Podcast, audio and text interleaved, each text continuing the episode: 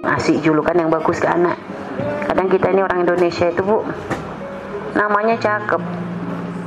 Eh tapi dipanggilnya tuh dengan apa gitu? Misalnya mohon maaf mungkin waktu kecilnya ada bopengnya misalnya.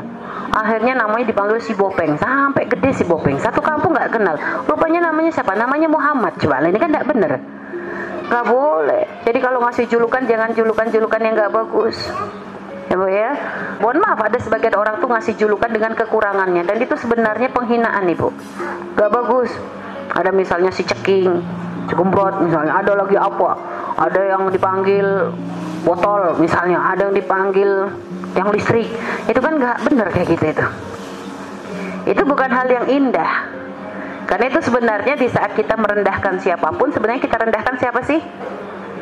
Rendahkan Allah dong. Yang menciptakan dia siapa sih yang ngasih dia badan begitu ngasih dia wajah kayak gitu ngasih dia gigi kayak gitu ya jadi itu kan Allah semua. Berarti di saat kita merendahkan seperti itu berarti kita menghina Allah secara otomatis. Ya, jadi jangan dibiasakan.